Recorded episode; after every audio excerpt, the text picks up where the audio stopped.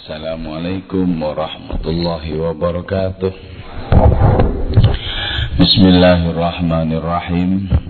Hamdan wa thana'an laka ya Allah salatan wa salaman laka ya Habiballah wa ala alika wa ashabika ya khair halkillah amma ba'du لك يا رسول الله ولجميع من اتبع دينك يا حبيب الله حقيقة من لدن آدم إلى يوم القيامة رضي الله لنا ولهم الفاتحة أعوذ بالله من الشيطان الرجيم بسم الله الرحمن الرحيم الحمد لله رب العالمين الرحمن الرحيم مالك يوم الدين إياك نعبد وإياك نستعين اهدنا الصراط المستقيم.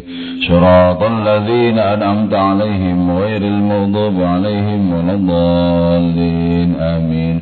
لتقربنا إلى الله تعالى لمحبتنا إلى رسول الله صلى الله عليه وسلم لسلامتنا في الدين والدنيا والآخرة لقضاء ديوننا لقضاء حاجاتنا من هوائج الدنيا والآخرة.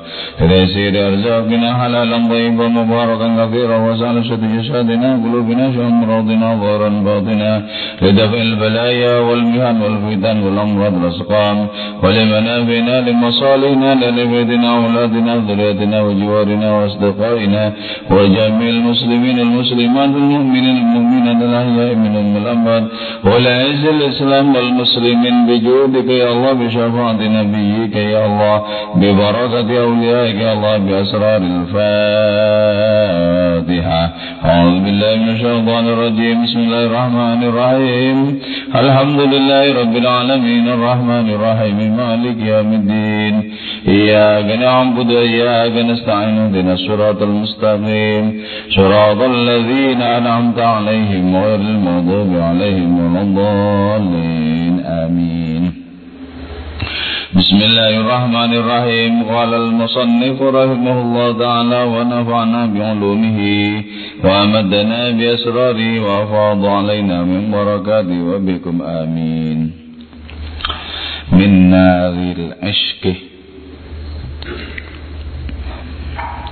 dari api cinta samata di sana hararatun adapun kehangatan fil alami di alam semesta. Wa min halibi wifaihi. Dan dari susu perah ketulusan cinta. Mu'umatun adapun kelembutan-kelembutan fil jafai pada nasib yang keras. Wa amama dzalikal qamari dan di depan rembulan itu alladzi syamsu yang ada pun matahari khajilatun ialah malu minhu terhadap itu rembulan yumkinu. Mungkin ayyakun apa hendaknya ada hunaka di sana waqihun sesuatu yang memalukan. Ayatu wiqahatin hal memalukan macam apa hadhihi ini Yaman wahai orang fiturratika pada daimu itu ta'asyusun adapun adanya kekusutan. Wa fi syafatikal yakutiyati dan pada bibirmu al yakutiyati yang bangsa permata. Nasrun adapun mutiara lisukari bagi dia yang manis Salta bertanya engkau anatimta apakah menyesal engkau ala firakina atas perpisahan kita? Ayuhal ma'syuk wahai orang yang dicinta Ayu nadamin penyesalan macam apa? Innahu sungguhnya itu firak anwa'un yalla aneka ragam minan nadami dari adanya penyesalan. Fi rasi pada kepalaku sudaun adapun rasa pening min atharil khumrah karena dampak dari khamar cinta itu wabiju disukari syafatika dan dengan adanya manisnya bibirmu li bagiku natrun disukari li yalah bagiku natrun yalah mutiara disukari bagi dia yang manis. Ayuhas saqi al khafi wahai Engkau yang memberikan minum al-khafi yang samar. Indama wasalta suqya Manakala memberikan menyampaikan ke suqya kepada minuman. Uftudihat maka menjadi malu Allah surun apa rahasia-rahasia Kulluha semuanya rahasia Indah idin ketika itu. Mada maskuka selama ada sukuka apa? Cintamu yang dahu ialah mengunyah itu cinta sukar kepada tebu. Fastami maka simalang kau kulayau min tiap hari ilal kalamil murik kepada ungkapan yang baik. Amaluka adapun amalmu kula lailatin setiap malam syurbul khamrati ialah meminum khamr. Wa ziyadatul makri dan menambah adanya tipu daya wa dan kebinasaan wal khusumati dan pertikaian. Ya man anta. Sangat penting di dalam diri kita kita munculkan benih-benih kecintaan terutama kepada Allah Subhanahu wa taala. Seluruh kecintaan kepada makhluk hanyalah sarana untuk bisa menimbulkan kecintaan kepada Allah taala. Hanya ketika berkaitan dengan hadirat Allah, maka cinta itu menjadi transenden. Cinta itu memiliki nilai-nilai keilahian.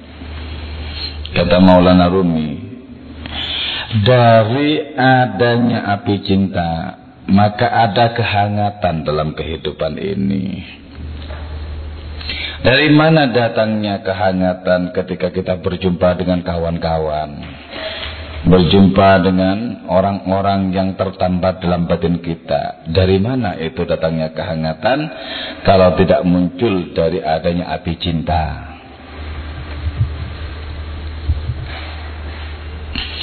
Jadi kalau begitu, sebenarnya kedekatan kita dengan kawan-kawan, dengan teman-teman, dengan siapa saja, itu bisa menjadi wasilah, bisa menjadi perantara untuk menikmati kemahacintaan Allah Subhanahu wa taala kepada segenap makhluknya termasuk juga kepada kita. Nada dasar dari penciptaan ini, dari penciptaan alam raya, itu cinta. Karena itu, hanya ketika hati kita tertambat dengan cinta, maka baru memiliki korelasi dengan nada dasar penciptaan.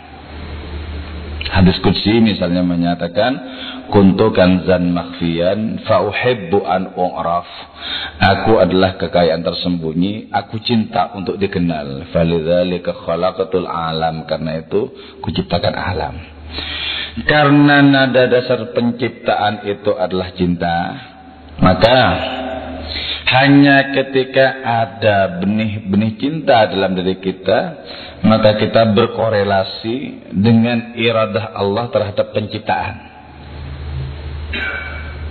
karena itu segala sesuatu itu bisa menjadi abadi ketika inti dari segala sesuatu itu adalah cinta. Kata Maulana Jami begini, kau boleh mengerjakan apa saja, kau boleh menorehkan apa pun dalam sejarah hidupmu, kau bisa berprestasi dalam wujud apa pun, tapi selama hatimu tak tertambat dengan cinta, itu sama sekali bukanlah prestasi. Betapa sangat nikmat hidup seseorang yang digerakkan oleh energi cinta, apalagi cinta ilahiyat. Ya, sangat nikmat kehidupan seseorang. Cinta itu adalah sifat Allah kemudian dipinjamkan oleh Allah Ta'ala kepada manusia yang memiliki istiadat, memiliki kesiapan untuk bisa menampung cinta. Rasakan dalam batin kita. Hangatkah hidup kita? Nikmatkah kita menjalani hidup ini dengan sesama, dengan orang-orang di sekitar kita? Kalau ada kehangatan, ada benih-benih cinta, berarti di situ hidup kita menjadi transenden, memiliki sifat keilahian. Terus segala yang getir itu bisa dinetralisir oleh cinta. Orang yang paling nestapa hidupnya dalam hidup ini. Paling nestapa nasibnya. Paling tidak menentu nasibnya. Selama ada benih-benih cinta. Maka pahitnya hidup itu bisa dihilangkan. Jadi Cinta adalah energi yang bisa menawarkan segala sesuatu yang sangsai, segala sesuatu yang pahit. Segala sesuatu pahit terusir karena adanya api cinta dalam diri. Maka disebutkan wa min hali biwifaihi. Dari adanya susu perah ketulusan cinta. Susu perah ketulusan cinta. Jadi adanya cinta yang tulus dalam diri seorang gitu ya. Di situ ada kenikmatan-kenikmatan, bahkan di dalam nasib yang paling getir sekalipun. Seorang pecinta tidak pernah takut nasibnya menjadi getir. Sebab apa? Memiliki penawar secara otomatis. Andaikan hidup ini adalah padang belantara yang kering kerontang dan si pecinta berada di situ, maka seketika berubah seolah-olah berada di sebuah taman yang penuh dengan naungan.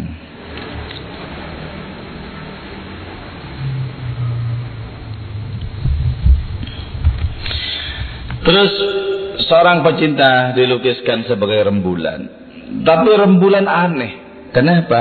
Membuat matahari merasa malu di hadapan rembulan itu. Cahaya matahari adalah cahaya mekanik. Tapi cahaya wajah seorang pecinta itu adalah cahaya ilahi yang lebih transenden dibandingkan dengan cahaya matahari. Wa amama dzalikal qamaril ladzi syamsu khajalatun minhu. Apakah di hadapan rembulan di hadapan seorang pecinta yang kemuliaan wajahnya melampaui rembulan itu, apakah dimungkinkan di situ adanya tindakan yang memalukan? Tindakan memalukan macam apa? Jadi maksudnya apa? Orang masuk dalam wilayah cinta itu, itu semakin tidak menggubris terhadap tindakan apa pun yang dianggap memalukan, gak gubris. Gak gubris. Seorang pecinta tampil apa adanya sesuai dengan kemauan kekasih. Ya. Sesuai dengan kemauan kekasih. Seorang pecinta tidak mesti mengikuti tata tertib yang ada. Seorang pecinta tindakannya tidak mesti masuk akal. Tidak harus masuk akal. Seorang pecinta itu tampil sebagaimana kehendak si kekasih. Aku adalah realitas dari kehendakmu. Gitu kata si pecinta. Apa pun kehendakmu, akulah itu. Nah, ketika orang begitu di hadapan Allah Ta'ala, maka berbagai macam aturan dunia menjadi banyak tidak kepakai. Menjadi tidak kepakai. Begitu kuatnya rasa cinta itu menjadikan si pecinta ini merupakan duplikasi dari adanya kekasih. Ketika Qais ditanya siapa engkau? Aku Laila. Bukankah engkau Qais?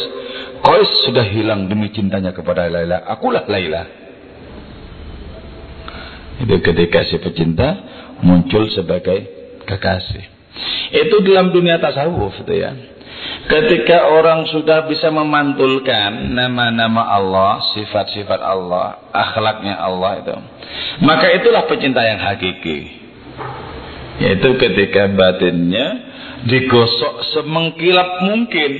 Kemudian dari jiwa, dari hati yang mengkilap, terpantullah kemudian realisasi dari nama-nama Allah Ta'ala. Dipantulkan.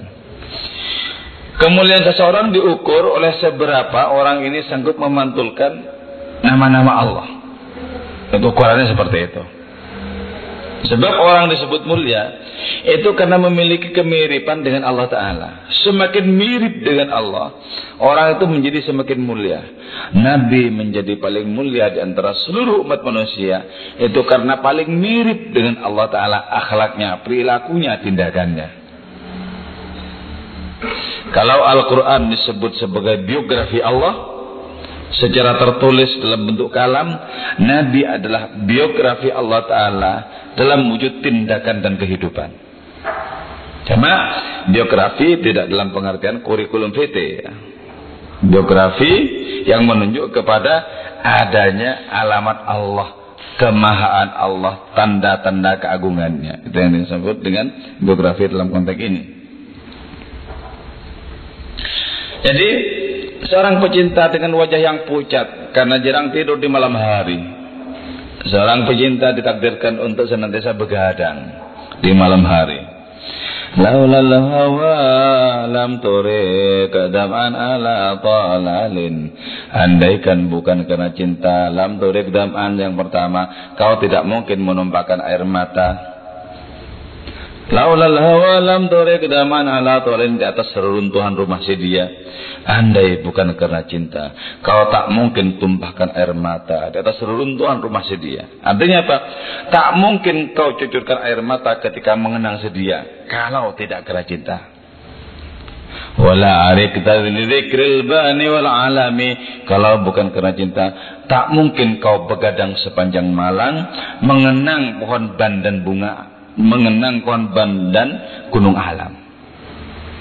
Pohon ban itu di Jazirah Arab sana. Ketika dilihat di malam hari, di waktu malam itu dilihat, itu seperti sosok seorang yang berdiri. Jadi ketika seorang pecinta melihat pohon itu di kejauhan, dia membayangkan itu kekasihnya. Karena itu lebih bani. Wal alami dan gunung alam. Jadi kalau kita merasakan seperti apa siksa yang sangat lezat yang diberikan oleh cinta. Pertama, jarang tidur di malam hari. Jarang tidur. Karena itu, kalau kita belum pecinta, banyak-banyaklah untuk tidak tidur di malam hari. Untuk apa? Untuk menserupakan diri dengan para pecinta. Man tasyabbah biqamin fahuwa minhum. Orang yang menyerupakan diri dengan suatu kaum, maka termasuk kaum itu. Kalau belum tumbuh benih-benih cinta, maka begadanglah sebagaimana para pecinta. Kalau belum jadi seorang pecinta, belajarlah untuk menumpahkan air mata atas nama apa saja. Yang penting bukan karena ceking dan kalah menghadapi kehidupan. Jadi kalau menghadapi kerasnya kehidupan, pantangan kita menangis pantangan. Kehidupan ini terlalu sepele untuk membuat kita menangis. Tapi di hadapan Allah, di hadapan kekasih, gampang-gampanglah menangis sebagaimana anak-anak. Itu tanda apa? Tanda munculnya benih-benih cinta di dalam diri kita. Karena itu, ayo tuwiqahatin. Tindakan memalukan macam apa bagi orang yang sudah dirundung batinnya oleh cinta. Enggak ada tindakan memalukan. Orang yang jatuh cinta itu sudah dicabut rasa malunya. Karena itu berada di luar batas kewajaran orang-orang normal. Karena cinta memang ditakdirkan untuk tidak dipahami bahkan oleh akal paling cerdas sekalipun. Itu cinta. Jadi, mungkin jatuh cinta kepada orang tidak masalah, yang penting diusahakan untuk mentransenden. Sebab kita ini makhluk yang baru dan yang pertama-tama bisa kita lakukan jatuh hati kepada yang baru pula. Tidak bisa langsung jatuh hati kepada Allah yang qadim. Yang melampaui segala-galanya. Jatuh hatilah kepada siapa saja. Atau kepada apa saja. Moga-moga bisa menjadi transenden untuk cinta kepada Allah Ta'ala.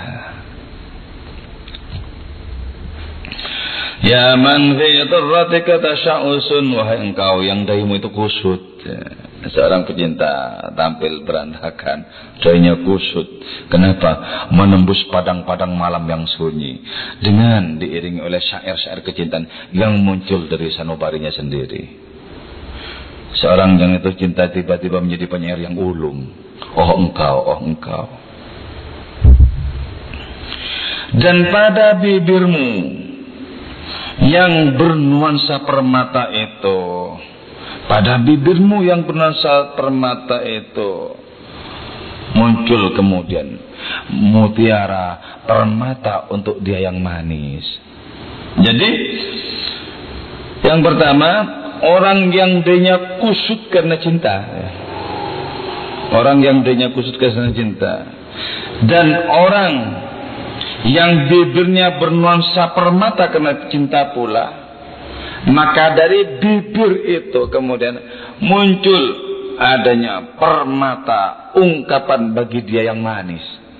Muncul.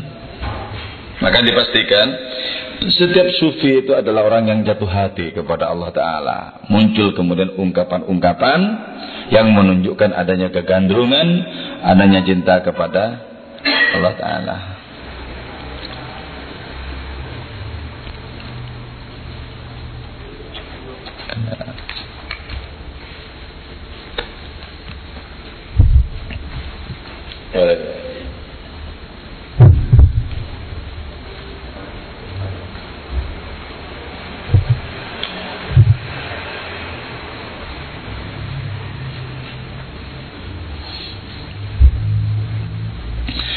Bagi seorang pecinta, apa peduliku dengan dayaku yang kusut?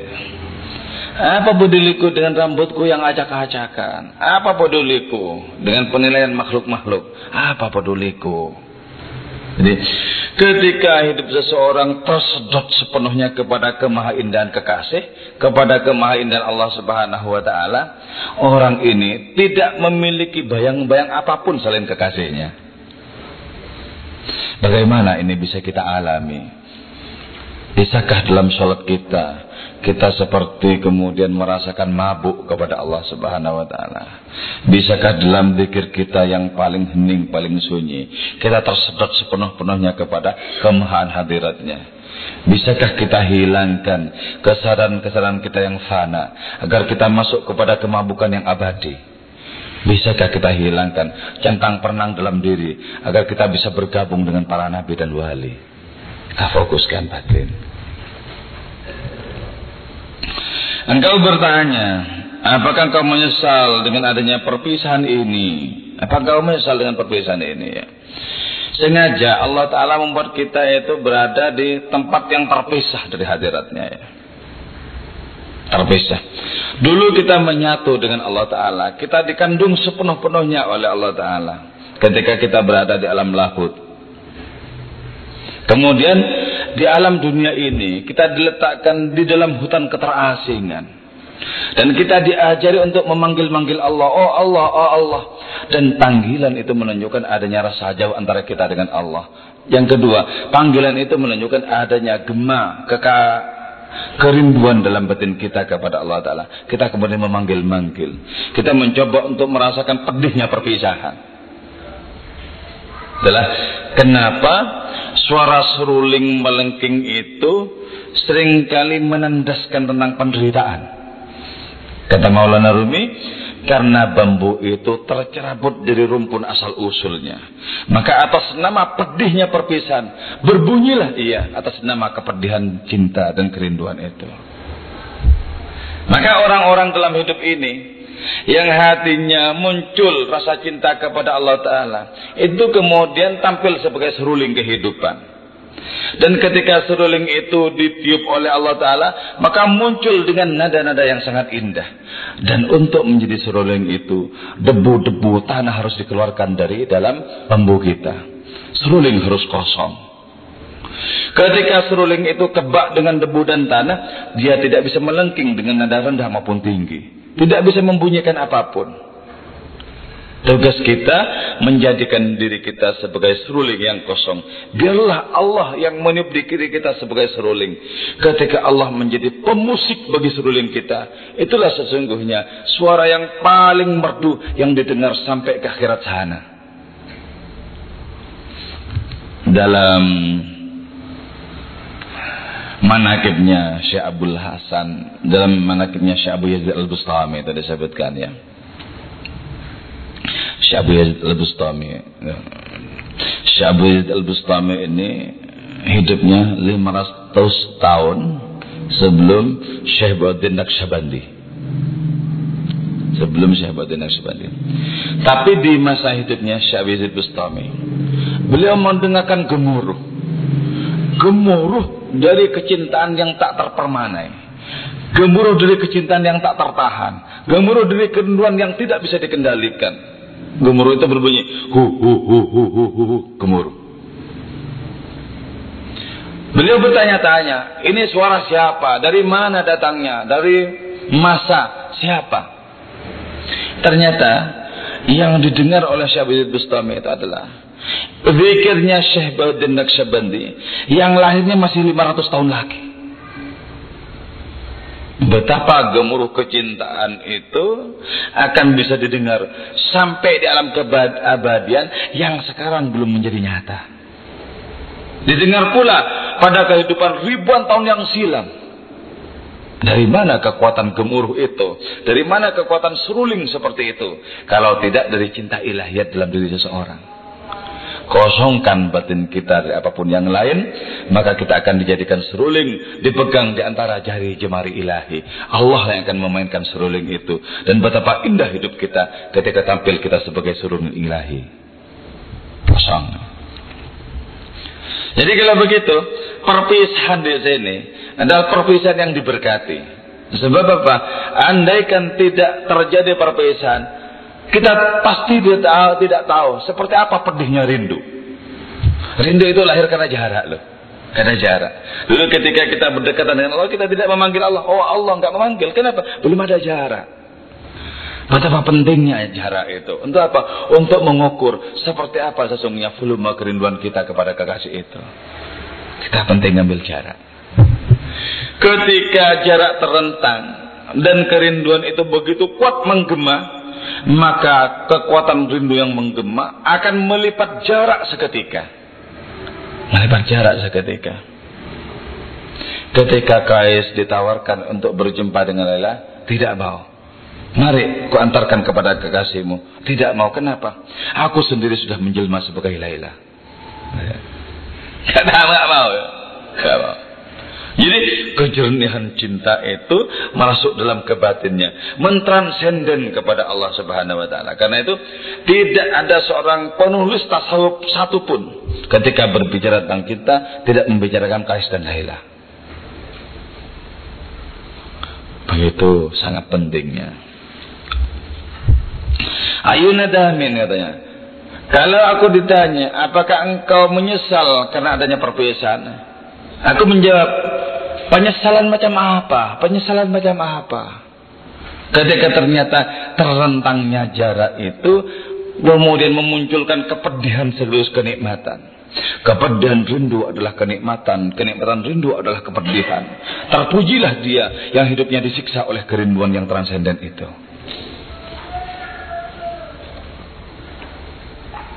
Fi ra'si sudaun katanya. Kepalaku pening. Kenapa? Min athal khamra. Karena dampak khamr yang sangat dahsyat itu. Kepalaku pening. Pecinta ilahi senantiasa pening batinnya. Hanya terobati ketika terjadi perjumpaan. Pening.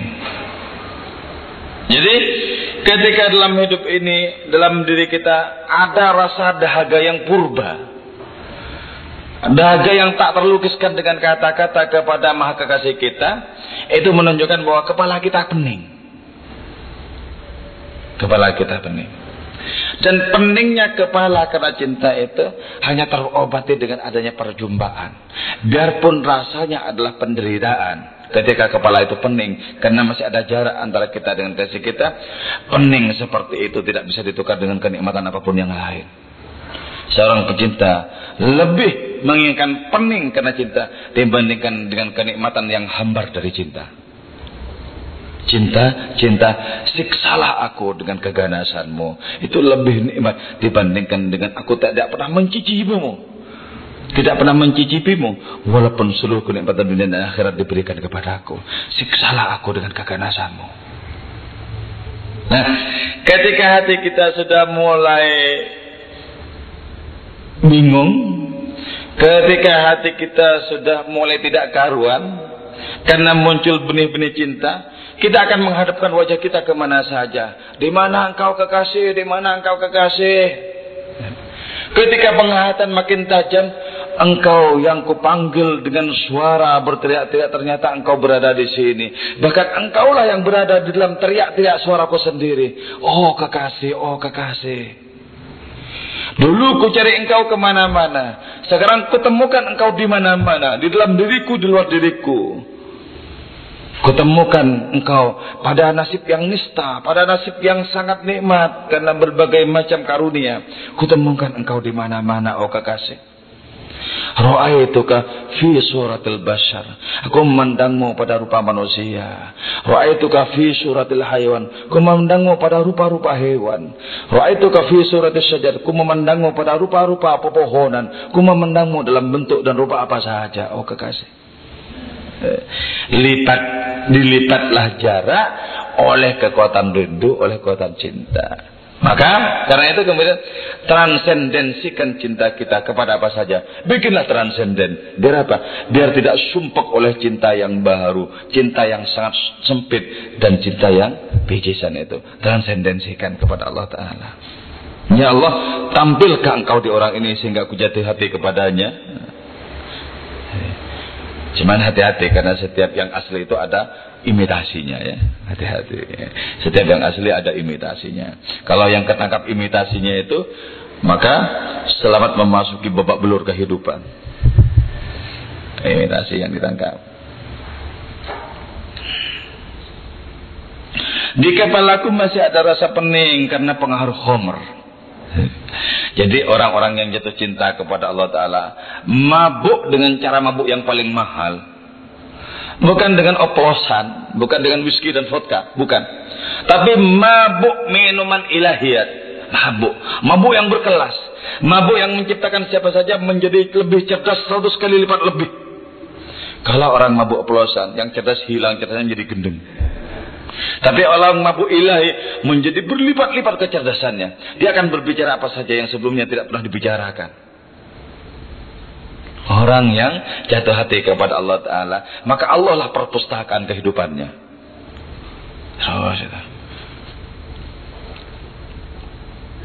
Dan dengan adanya bibirmu yang manis itu ya Allah dengan membayangkan dan menatap bibirmu yang manis itu maka aku bisa menyanyikan lagu-lagu permata untuk dia yang manis untuk kekasihku untuk alam semesta untuk alam raya Kemudian orang yang sudah kuulan cinta kepada Allah Ta'ala itu dijajakan cintanya kepada semesta. Tidak ada tugas apa pun dalam hidupnya selain menjajakan cinta ilahiyat kepada semesta ini.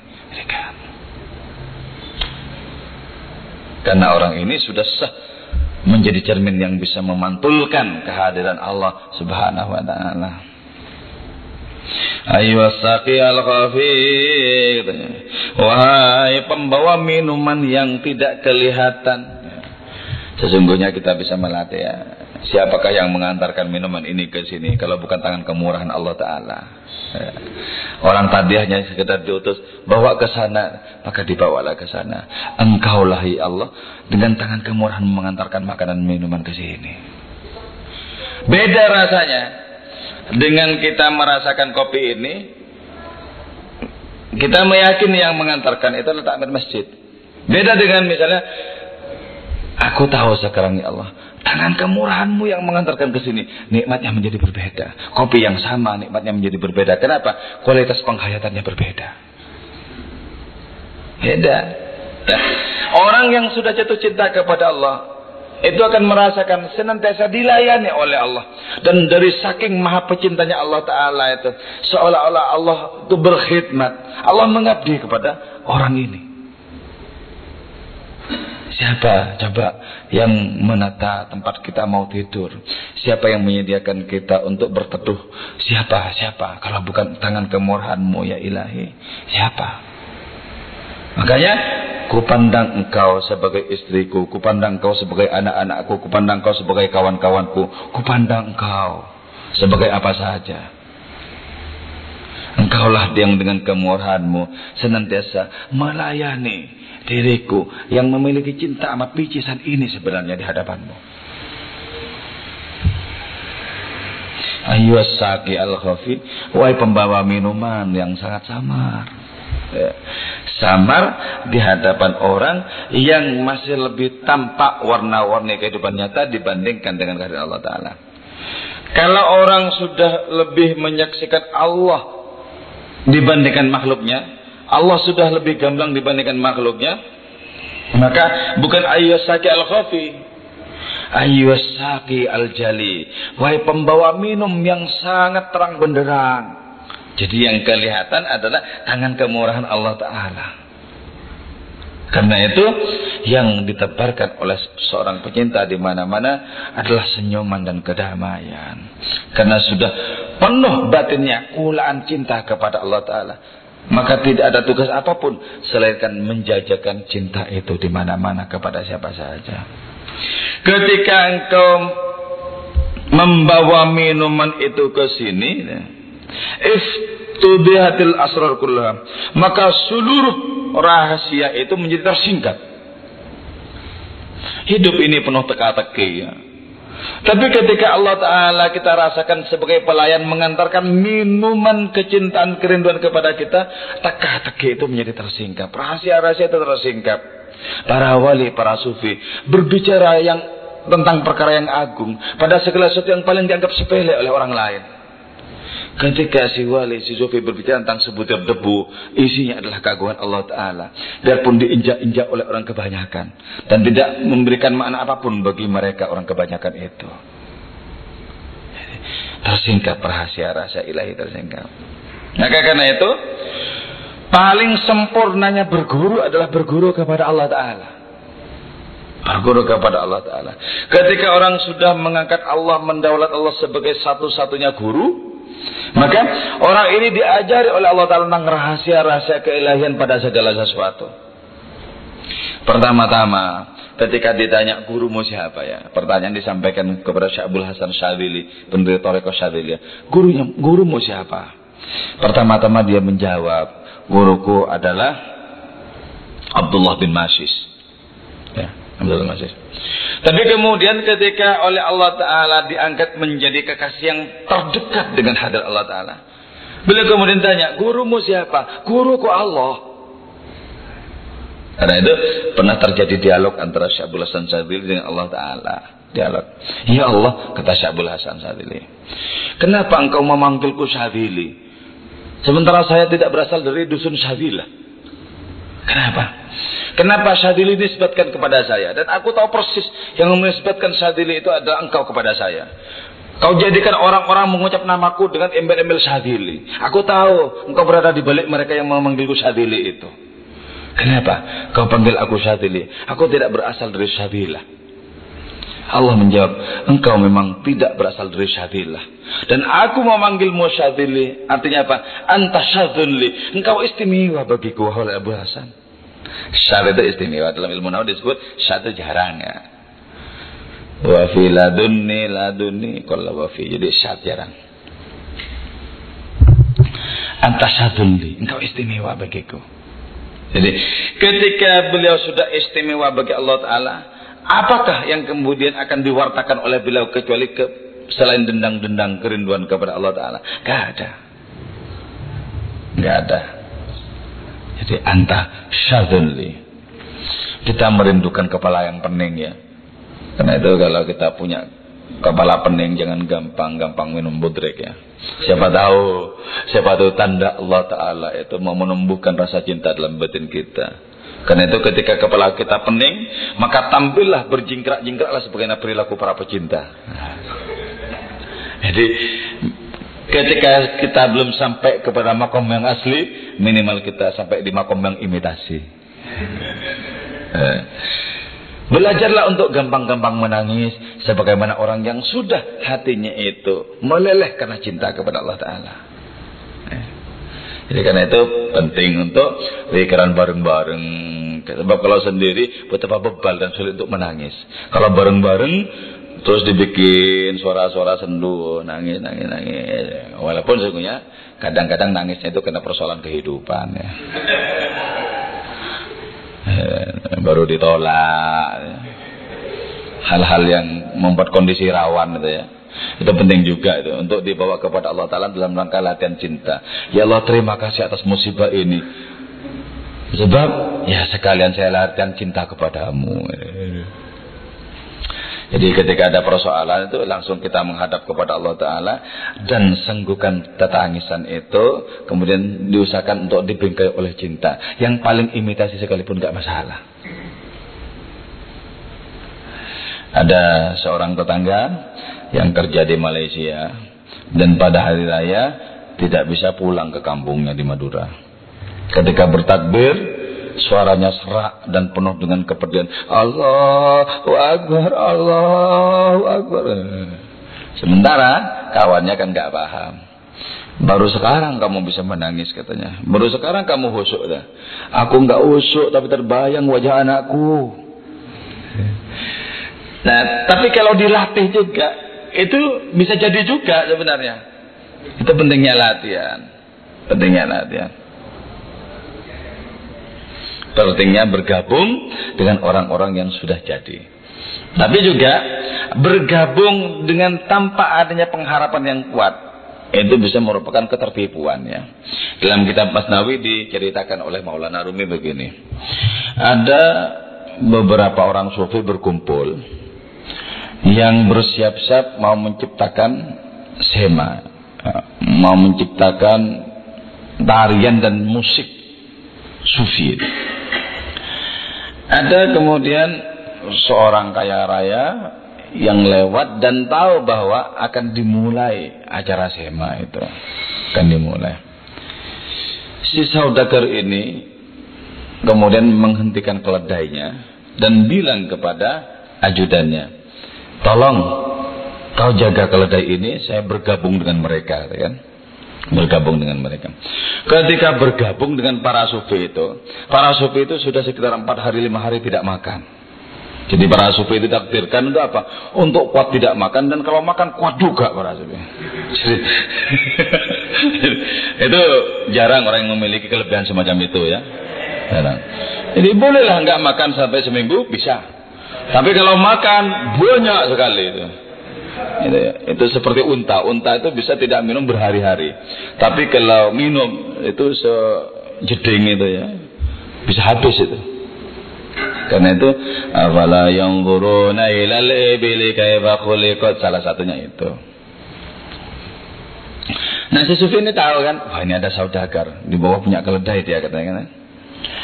Kemudian diciptakan diciptakan suasana kondusif di dalam sema itu. Mereka bernyanyi-nyanyi, mereka ber, menari-nari. Oh, sambil diiringi musik seadanya. Ini musik seadanya. Nah, terus lagu-lagu itu dipilih oleh para si sufi itu. Pertama-tama si sufi ini dalam sema, para sufi ini dalam sema mencoba untuk membebaskan diri dari segala sesuatu, dari dunia ini dan dunia akan datang. Hilang dunia, hilang akhirat yang ada engkau semata dikondisikan sana. Terus lama-lama ketika sambil berputar-putar si sufi ini memberikan komando keledaiku hilang keledaiku hilang dan si saudagar ini paling khusyuk untuk menyanyikan keledaiku hilang Aku hilang, keledaiku hilang. Diam-diam ketika sangat khusyuk melakukan sema itu, salah seorang sufi turun di bawah. Kemudian membawa keledainya itu ke pasar, dijual langsung. dijual. Dijual kemudian dibelikan makanan sebanyak-banyaknya. Di atas sambil menari-nari, keledaiku hilang, keledaiku hilang. Nari-nari. Nah, setelah dijual diberikan makan sebanyak-banyaknya, Kemudian menjelang sema itu usai, diberikan kemudian makan-makan itu. Para sufi itu sangat lahap sekali. Makan dengan penuh kenikmatan. Termasuk juga saudagar ini sudah kelaparan. Makan juga dengan penuh kenikmatan. Ketika subuh tiba, mereka sholat kemudian. Dan kemudian mereka berpencar menuju rumahnya masing-masing untuk tidur setelah subuh itu. Si saudagar ini turun. Tanya kepada ajudanmu. Ajudannya itu tanya. Keledaiku mana? Lihat jenggotmu, kata si ajudannya itu. Jadi kalau orang Arab mengatakan begitu, lihat jenggotmu maksudnya, kamu itu sudah tua, jangan pura-pura nggak tahu maksudnya gitu. Jadi dia mengatakan, lihat jenggotmu katanya kan. Maksudnya gimana? Nah, tadi kamu sangat bersemangat bernyanyi keledaiku hilang. Tak kira sudah rusak turun winara. Nah, artinya tak kira sudah kasar gitu Akhirnya bilang keledaiku hilang memang sudah direlakan untuk para sofi. Lalu maksudnya dibawa ke pasar dan itu yang dibelikan jajan tadi yang sampai makan juga. Tuh. Nah ini kita Maulana Rumi itu apa? Ini model orang yang menyerupakan diri dengan sebuah kaum tapi tidak memiliki penghayatan. Jadi ada orang ngomong tasawuf, ngomong juga tasawuf, ngutip, ngutip, ngutip juga. Ya. Jadi ini mirip sisi Saudagar ini. Artinya apa? Tasawuf itu jadi gincu. Dan ketika tasawuf itu jadi gincu, akan hilang nanti. Kalau sudah waktunya hilang. Karena itu dalam sebuah buku ya. The Sky of Skarjalak ya. Eh, bukunya Gaya Muhammad Zuhri. Itu langit-langit desa ya. Di situ diceritakan bahwa ada seorang yang sering kali mengutip kata-kata para sufi mengutip hadis dan Quran Sehingga karena di mana-mana mengutip kalimat-kalimat yang sering kali disampaikan oleh para sufi itu, dia memiliki beberapa orang pengikut. Ada pengikutnya, pengikutnya yang setia ke mana-mana ikut, ke mana-mana ikut. Ternyata pada suatu waktu, ketika orang yang banyak hafalannya ini lengah, jam tangannya yang mahal dicuri oleh salah seorang pengikutnya. Dicuri. Karena dicuri kemudian marah besar dan di mana-mana mengutuk pengikutnya ini. Dan karena disibukkan untuk mengutuk pengikutnya ini, sudah tidak mengutip kata-kata para sufi lagi. Jadi isinya umpatan terus. Setiap ketemu orang umpatan terus. Umpatan terus. Nah itu kata kamu apa? Itu menunjukkan bahwa tasawuf itu kalau dijadikan pakaian bisa lepas. Baru kalau menjadi bagian dari kehidupan dalam hati yang paling dalam tidak lepas dengan berbagai macam suasana dan kondisi apa pun. Tidak lepas. Oke kembali kepada bisi ini. Wahai pembawa minum yang sangat samar ketika kau antarkan minuman itu berbagai macam rahasia menjadi terang benderang di hadapanku. Jadi bagi orang yang meminum anggur ilahiyat itu membukakan rahasia-rahasia semesta. Rahasia-rahasia semesta. Cuma ketika sudah oleh Allah Ta'ala disingkapkan rahasia-rahasia semesta itu ada orang yang diberikan izin oleh Allah Ta'ala untuk berbicara tentang rahasia ada dan bahkan banyak yang tidak diberikan izin Allah Ta'ala untuk menyampaikan rahasia-rahasia itu jadi bagi para sufi lebih banyak yang tidak disampaikan ilmunya dibandingkan dengan yang disampaikan. Kenapa? Karena rahasia-rahasia keilahian tidak boleh sembarang dibuka di mana-mana. Tidak boleh. Itulah sebabnya Sayyidina Ali mengatakan, kalau kalau yang apa aku ketahui ini semuanya disampaikan, aku akan disembelih oleh orang. Terus Abu Hurairah juga begitu. Kalau semua yang kuriwayatkan dari Nabi itu kusampaikan kepada umat, aku pun juga akan disembelih. Jadi harus banyak yang memang tidak boleh disampaikan berkaitan dengan rahasia-rahasia Allah Ta'ala itu. Coba, masihkah ada rahasia ketika di antara keanekaragaman itu sudah muncul menjadi warna yang sama? Masihkah ada rahasia ketika awal adalah akhir, akhir adalah awal? Masihkah ada rahasia ketika segala sesuatunya tampak menjadi rupa Allah Ta'ala? Adakah rahasia? Tidak ada rahasia. Ya, ketika sudah masuk sirul qadar, rahasia takdir itu mereka diam. Mereka diam. Kenapa? Nabi juga mencontohkan diam.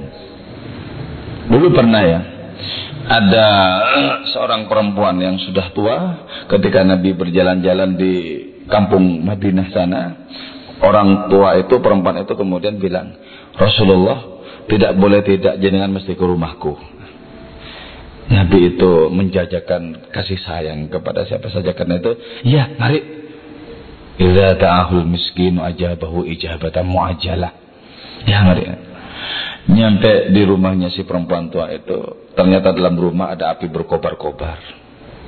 Dan anak-anak si perempuan ini bermain-main di sekitar api kejar-kejaran. Orang ini, perempuan ini bertanya kepada Rasulullah. Rasulullah, apakah aku yang lebih belas kepada anak-anakku atau Allah kepada makhluk-makhluknya? Kepada hamba-hambanya? Lebih belas Allah kepada hamba-hambanya dibandingkan engkau kepada anakmu. Sebab Allah arhamur rahimin. Tanya lagi Rasulullah. Apakah menurut jenengan aku kira-kira tega? Menceburkan anak-anakku yang bermain di pinggir api itu ke dalam api. Tegakah aku? Nabi sudah tahu maksud dari pertanyaan ini. Artinya apa? Kalau aku saja tidak tega, kenapa kok Allah tega? Misalnya kan mau, mau begitu maksudnya si perempuan itu. Tapi sebelum mengatakan kalimat ini, kemudian Nabi bersabda, Hakadha ilayya. Demikianlah sudah diwahyukan kepada Allah Ta'ala kepadaku. Apa yang akan terjadi seperti ini. ini. Nabi tidak menjawab. Kenapa? Masuk dalam kategori sirul qadar. Rahasia takdir. Rahasia Allah Ta'ala. Yang tidak boleh disampaikan. Nabi tidak menjawab. Karena itu ini dalam kitab tasawuf disebut al-hikmatul maskut anha. Jadi hikmah yang tidak dibicarakan. Apa dibalik peristiwa yang seperti itu? Ya. Apa sesungguhnya hakikat surga, hakikat neraka? Para sufi tahu, para wali tahu, tapi diam. Kenapa? Biarlah syariat Allah Ta'ala berjalan apa adanya. Diam. Bagi mereka sama saja segala sesuatu. Nestapa, sengsara, bahagia, air mata, senyuman, semuanya sama saja. Sama saja. Kenapa? Karena sudah menyelami Allah Ta'ala. Dan segala sesuatu yang beraneka ragam berasal usul darinya. Bukankah kita ketika sampai kepada asal usulnya segala sesuatu menjadi sama? Karena itu jangan pernah ngeri dengan taring-taring kehidupan ini. Jangan terlalu terkesima dengan kenikmatan-kenikmatan hidup ini. Fokuslah untuk mempertajam pandangan kepada Allah Ta'ala. Fastami ya. Fastami. Madama iskuka yamdu sukar. Selama cintamu itu masih mengunyah gula, mengunyah tebu, mengunyah segala sesuatu yang manis, yang manis. Kalau cintamu cuma mengunyah yang manis, nasib yang baik, maka ada baiknya tiap hari kau mendengarkan kata-kata yang pahit. Sampai kau temukan adanya sama antara manis dan pahit, baru sempurna cintamu. Ini kan itu, kalau masih pilih-pilih ini itu ini itu ini getir karena itu kita hindari, ini manis karena itu kita ambil sebanyak-banyaknya, itu belum merasakan, belum merasakan kepedihan dan kenikmatan cinta belum merasakan. Orang yang seperti itu bergabung dengan orang-orang kebanyakan, tidak masuk kalangan orang-orang istimewa yang itu cinta kepada Allah Taala. Jangan pernah gentar dengan apa pun yang selain Allah Ta'ala. Yang membuat kita takut itu cuma Allah. Yang lain untuk apa kita takuti? Tidak ada yang berbahaya selain Allah Ta'ala. Amaluka kullu lailatin syurbul khamrah. Perilakumu tiap malam itu meminum khamar. Minum anggur ilahiyat. Terus perilakumu itu juga apa? Menambah tipu daya, menambah kebinasan dan pertikaian, gitu ya. Ciri-ciri seorang pecinta. Jadi tiap malam tuh, kenapa malam ini disebutkan? Karena biasanya kambuhnya para pecinta itu di malam hari. Di siang hari disibukkan dengan pekerjaan. Mungkin banyak lupa kepada kekasihnya. Ketika sunyi mulai mendera, ketika kelam mulai turun, maka kambuh lagi cintanya. Karena itu disebutkan di sini perbuatanmu setiap malam adalah minum anggur ilahiyat, minum khamar ilahiyat. Juga kau menambah tipu daya. Maksudnya tipu daya itu apa? Semakin tak dipahami oleh orang kebanyakan. Semakin tak dipahami oleh orang banyak. Kau juga menambah kebinasaan. Makin tidak gubris terhadap nasib. Tak masalah. Nasibku hancur. Kalau di jalan cinta. Aku akan diinugerahi nasib yang jauh lebih baik lagi. Kalau umur kita habis di jalan cinta, di jalan cinta, Allah akan menganugerahkan umur yang abadi. Kalau hidup kita habis di jalan cinta, kita akan diberikan hidup yang beribu-ribu kali lipat lebih bermutu. Untuk apa kita risau? Jadi ketika kita korbankan untuk Allah Ta'ala, tidak usah risau. Allah nanti berpihak kepada kita. Dan kita akan diberikan ganti yang berlipat-lipat. Walaupun tujuan kita bukan untuk mendapatkan ganti yang seperti itu. Yang jelas, intan surullah yang surkum. Jika kita menolong Allah, Allah akan menolong kita. Iyan surkumullah fala ghalibalakum. Jika Allah menolong kita, maka tidak ada siapa pun yang bisa mengalahkan diri kita. Wal khusumah dan pertikaian. Kenapa disebut pertikaian? Karena tidak sama dengan tata tertib sosial. Pertikaian. Maka beruntung orang yang seperti Nabi memiliki kekuatan cinta sekaligus dimiliki kekuatan kendali. Gitu. Bagus. Itu karena Nabi. Coba kalau para sufi sudah oleng oleh cinta itu. Kalau Nabi kan tidak pantas. Tidak pantas. Tidak memiliki tata tertib itu nggak pantas. Tidak memiliki aturan tidak pantas. Karena itu cintanya sedemikian dahsyat, tapi kekuatan untuk mengendalikan juga sedemikian dahsyatnya. Maka antara mabuk dan sadar itu itu bertumpu, bertemu secara sempurna antara mabuk dan sadar. Tidak ada orang lebih mabuk kepada Allah Ta'ala dibandingkan dengan Rasulullah. Tapi juga tidak ada orang yang lebih sadar dibandingkan dengan Rasulullah.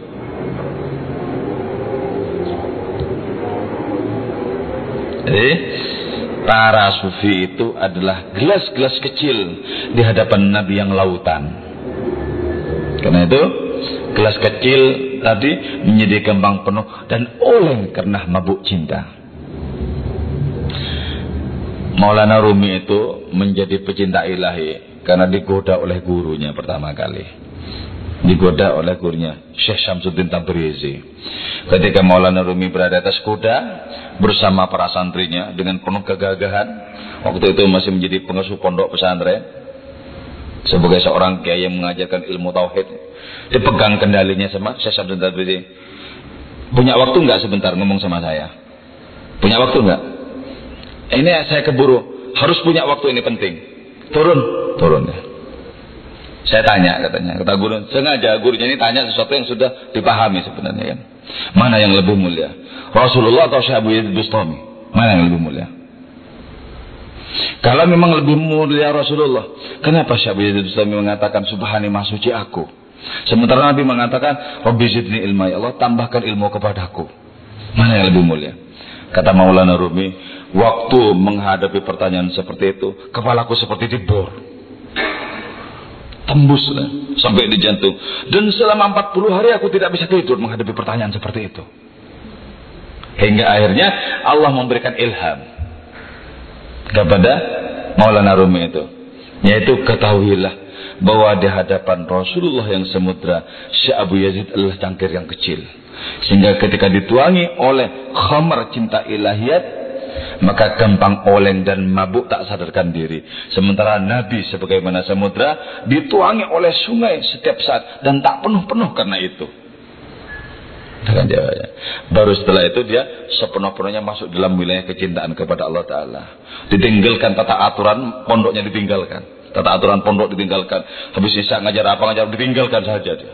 Dia berkelana dengan gurunya itu untuk menuntaskan rasa cinta ilahiyah dalam batinnya. Kenapa sampai begitu?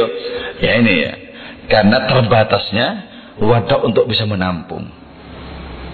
Wadah untuk bisa menampung. Ya man anta fardun wallahu alam bisawab. Wal Assalamualaikum warahmatullahi wabarakatuh.